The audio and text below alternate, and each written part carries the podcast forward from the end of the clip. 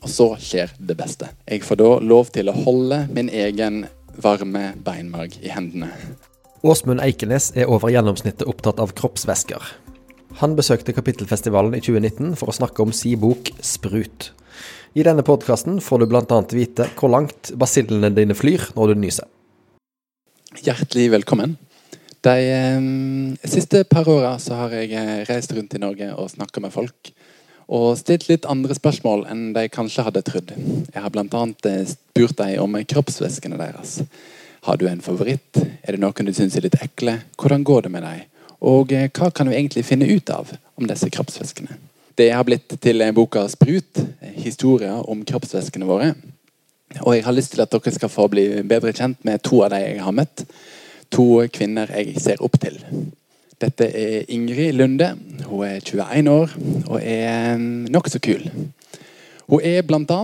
et mysterium.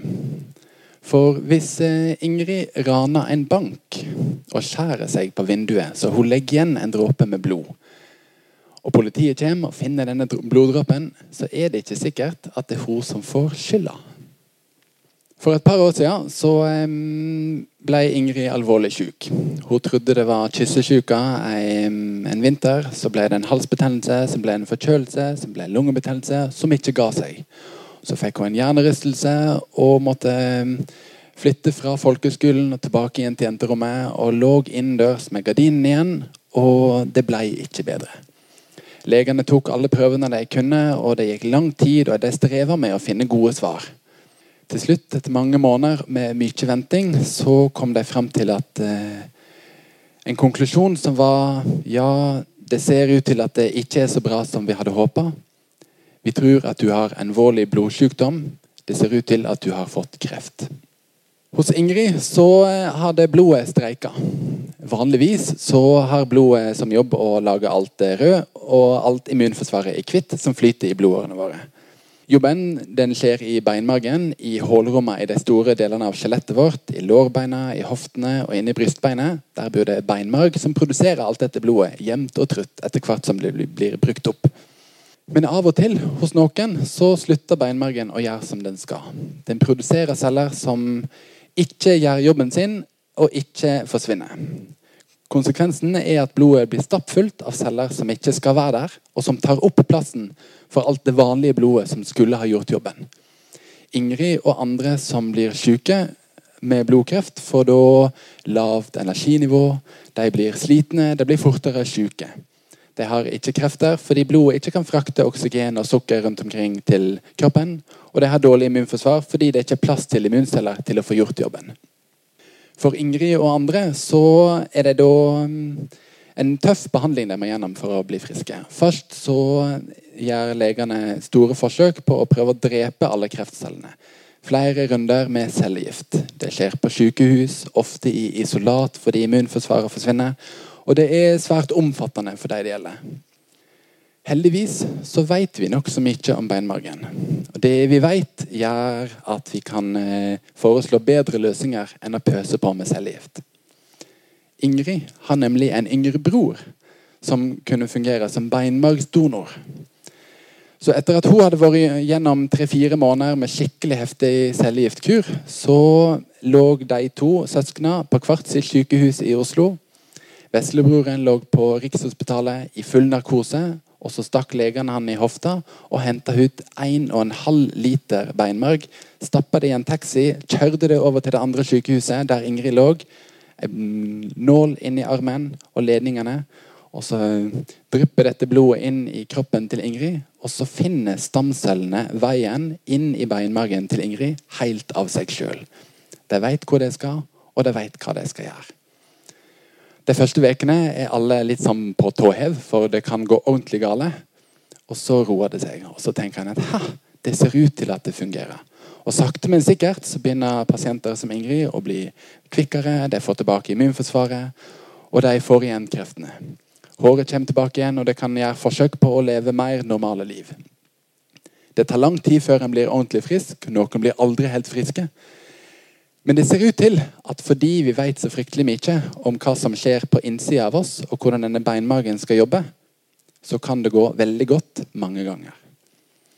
For Ingrid så gikk det så godt at hun tok et nytt år på folke, folkehøyskole og trivdes så innmari bra at hun ble igjen år to for å være velkomstgjeng for eh, neste generasjon elever på folkeskolen. Det er stas at kunnskap om kroppsvæskene kan bidra til å gjøre folk friske. Og for meg som biolog så er det både rørende og sterkt å møte mennesker som Ingrid. Og samtidig så tenker jeg hvordan ser egentlig beinmarg ut? Og det kan jeg nemlig finne ut av. Så eh, jeg sendte da en e-post til en forsker jeg kjenner i Trondheim, og tok en sjanse, var litt eplekjekk og skrev Hei, du. Jeg lurer på om jeg kan få intervjue deg om forskningsprosjektet ditt om beinmarg. Jeg kan godt betale i litt egne kroppsvæsker hvis det er behov for det. Og får svar tilbake at ja, ja, ja, vi tar gjerne imot alle dråpene vi kan få. Og da hadde jeg jo skrevet at jeg skulle gi fra meg denne veska, og kunne liksom ikke trekke meg på det. Så da satt jeg på toget over Dovre, Oslo, Trondheim for å gi fra meg disse edle dråpene til noen forskere. Og har snakka med dem på telefon, og hun har humra litt og sagt at ha-ha, det gjør jo mest vondt for sånne som deg, unge, friske menn. Men velkommen skal du være. Det går nok fint. Så jeg finner veien frem til St. Olavs hospital i Trondheim, finner avdelingen for blodsykdommer og treffer en ung mann som heter Tobias. Han har aldri gjort det før, nei, aldri gjort det sjøl, men han har gjort det mange ganger før. Så han prøver liksom å overbevise meg om at jeg gjør dette fem-seks ganger om dagen. Jeg vet hva jeg skal gjøre. Jeg vet ikke helt hvor vondt det er, men vi får se. Det går nok bra. Så legger de meg ned på benken og bretter opp T-skjorta og drar ned buksa litt og finner fram til en kul på baksida av eh, hoftebeinet. Og tegner en strek med en tusj og legger papir over, og det er sterilt og alt er fint. Og så er det en student med som står på den andre sida, som ser meg i øynene og skal få meg til å kjenne meg rolig og trygg, og alt skal gå fint. Og heller ikke hun har gjort det. Så ingen av de i rommet veit hvordan det går. Og så får jeg bedøvelse, sånn at huden og overflata i beinet ikke skal kjenne noe. Og så spør han eh, legen hvor mange fingre kan du kjenne nå. Og jeg har ingen peiling. Tipper tre. Og han sier nei, nei, det var helt riktig. Da begynner vi. Og så begynner kroppen min å gynge litt forsiktig frem og tilbake. Og da skjønner jeg at vi er i gang. For da hadde jeg nemlig funnet fram denne vinopptrekkeren som er på vei inn i meg. Så da skrur jeg den gjennom eh, beinet på baksida av hofta.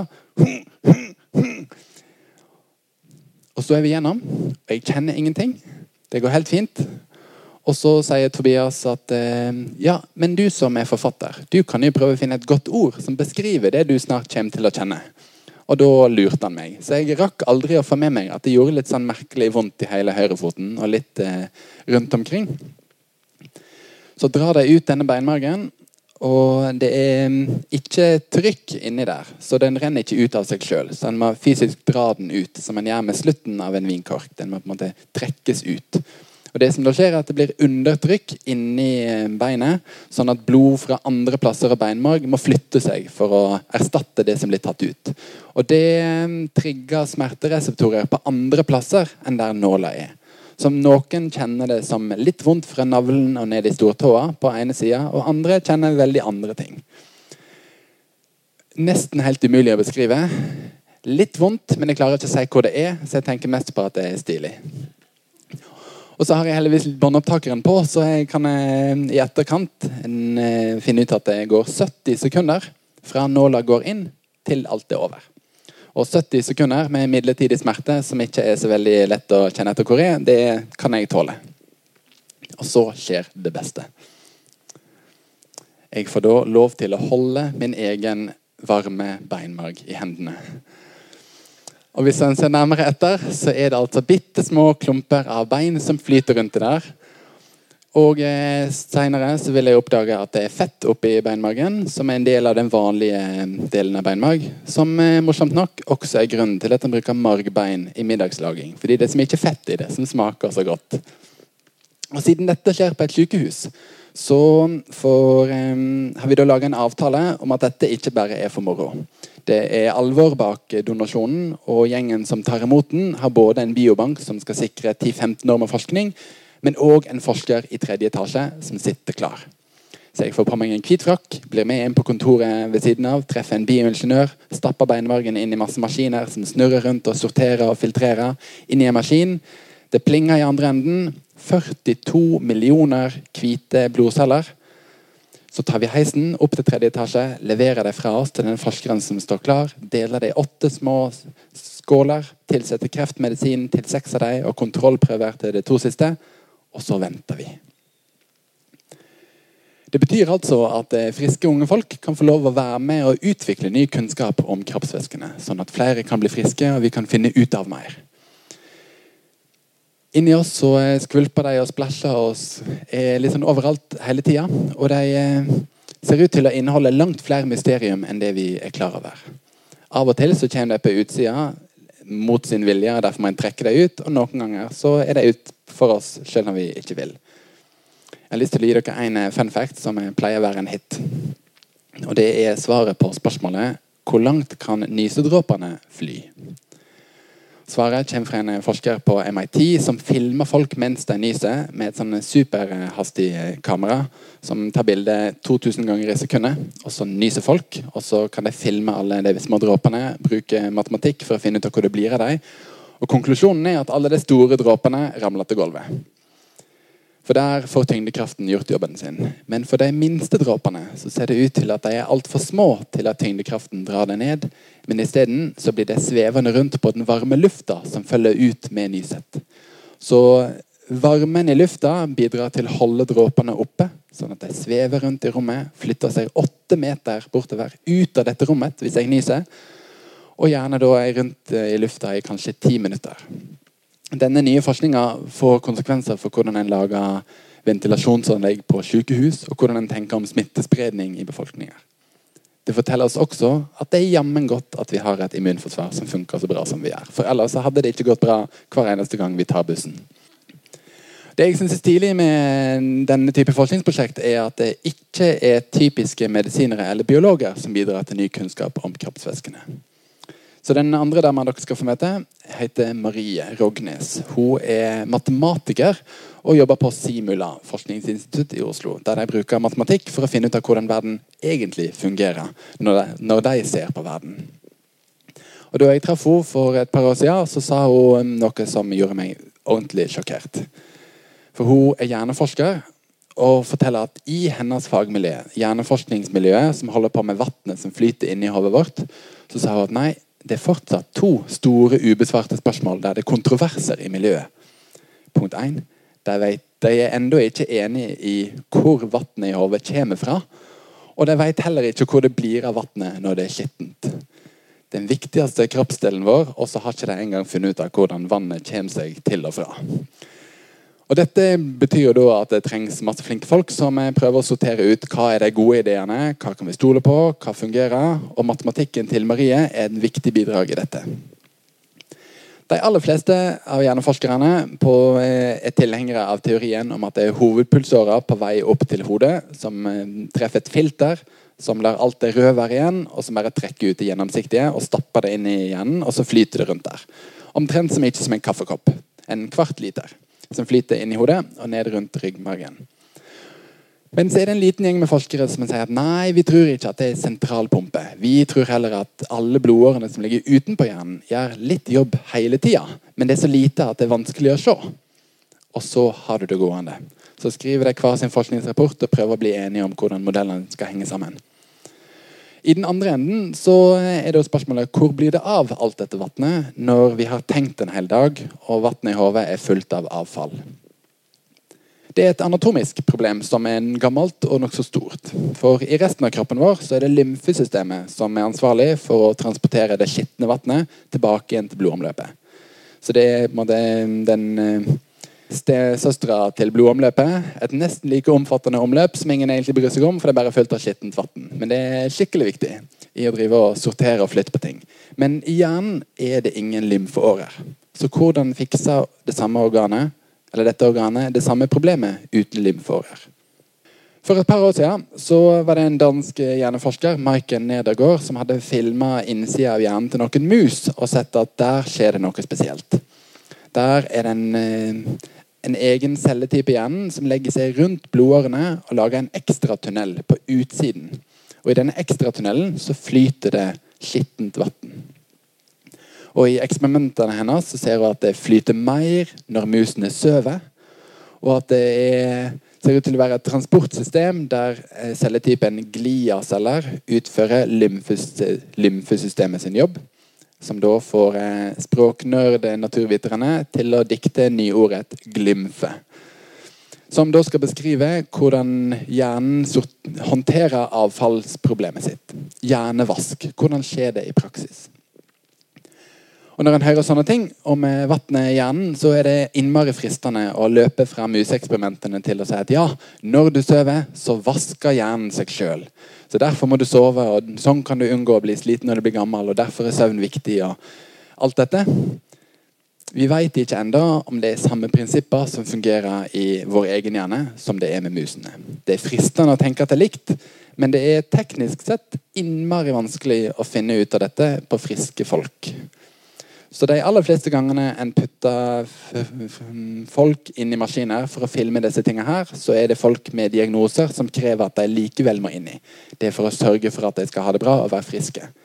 Det, er, mm, ja, det de må putte inn i blodårene og hjernevæska for å se den på alle maskinene, gjør det risikabelt, og det har en ikke alltid lyst til å utsette friske folk for. Så Derfor um, ser det ut til at det, det er vanskelig å få tak i informasjonen vi trenger for å bekrefte at ja, det er sånn det funker også i vår egen hjerne.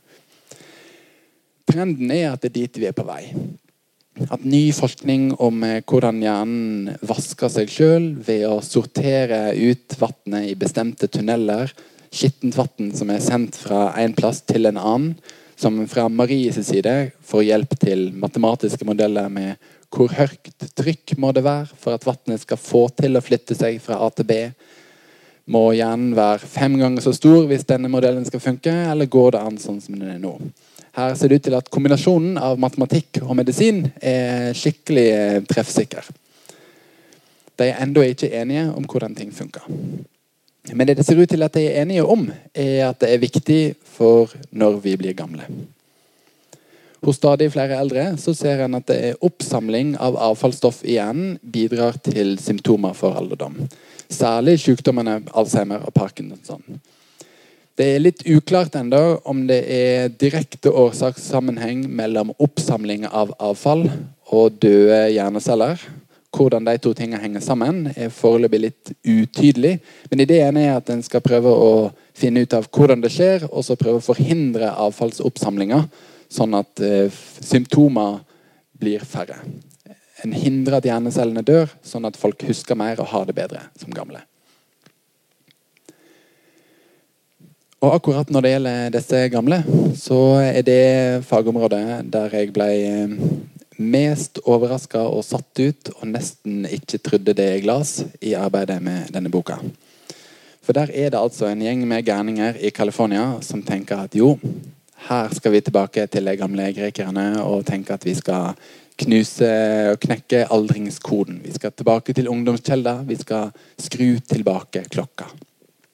Dette kommer fra en lang serie med eksperimenter med mus, der en har um, gjort nokså dramatiske eksperimenter med dyra ved å ta bort huden på sida av den ene, og så ta bort huden på motsatt side av det andre dyret, og så sy de sammen. Og når de to sårflatene gror mot hverandre, så går blodårene inn i hverandre, sånn at de to dyra deler blodomløp. Det blir to hjerter, men én sirkulasjon. Og På den måten så kan en teste nokså mange viktige ting om hvordan stamceller fra beinmargen og rundt omkring bidrar til å flytte seg og holde hele kroppen ved like. Det er nokså brutale eksperimenter for dyra, og det er nokså strenge restriksjoner på hvordan og hvem som får lov å gjøre dem. Men, ja, og det var en lang periode fra 70-tallet til slutten av 90-tallet der de ikke gjorde det. Men da de så tilbake igjen på datamaterialet fra 70-tallet, så ser de bl.a. at når en gammel mus er sydd sammen med en ung mus, så dør ikke den gamle musa når de vanligvis skal. Og Flere gjentagelser av disse eksperimentene i nyere tid og i ulike konstellasjoner har vist lignende resultat. Blod fra unge mus gitt til gamle mus påvirker levealder. Det ser også ut til å påvirke hvor godt de husker, hvor flinke de er på tredemølle, hvordan det går med stamcellene i hjernen. Og Etter hvert så har han slutta å gi de gamle musene blod fra unge mus, men han gir dem isteden blod fra unge folk. Og så gir han dem isteden blod fra navlestreng som blir til overs ved fødsler på sykehus, som er en deal med forskerne. Og så har han begynt å gi dem bare deler av dette unge blodet, og er på jakt etter faktor X i dette, i ungt blod, som skal få de gamle musene til å ikke oppføre seg så gammelt. Og Akkurat nå så kan du betale 80 000 kroner og være med på en klinisk studie to timer sør for San Francisco, der du får havutsikt, litt sudoku og to timer blod fra en 20-åring som kanskje ikke helt vet hva det er med på. Vi vet ikke verken de sosiale implikasjonene eller de faktiske medisinske konsekvensene av denne forskninga, men det er klart at vi må ta stilling til det. Jeg som biolog blir både begeistra og litt forferda når jeg ser hvordan ny forskning tvinger fram nye etiske debatter om hvor grensene skal gå for det vi vet om oss sjøl, om hva som gjør oss friske, hvordan vi skal ha det godt, både som enkeltindivid og som samfunn. Det har blitt en, en lesefest derav drinkglaser med en hel bunch med kroppsvæsker. Det ser ut til at blod, svette og tårer og de 51 andre gjør seg som festprat. Selv om en kanskje ikke skulle tro det. Takk for meg, og takk for at dere kom.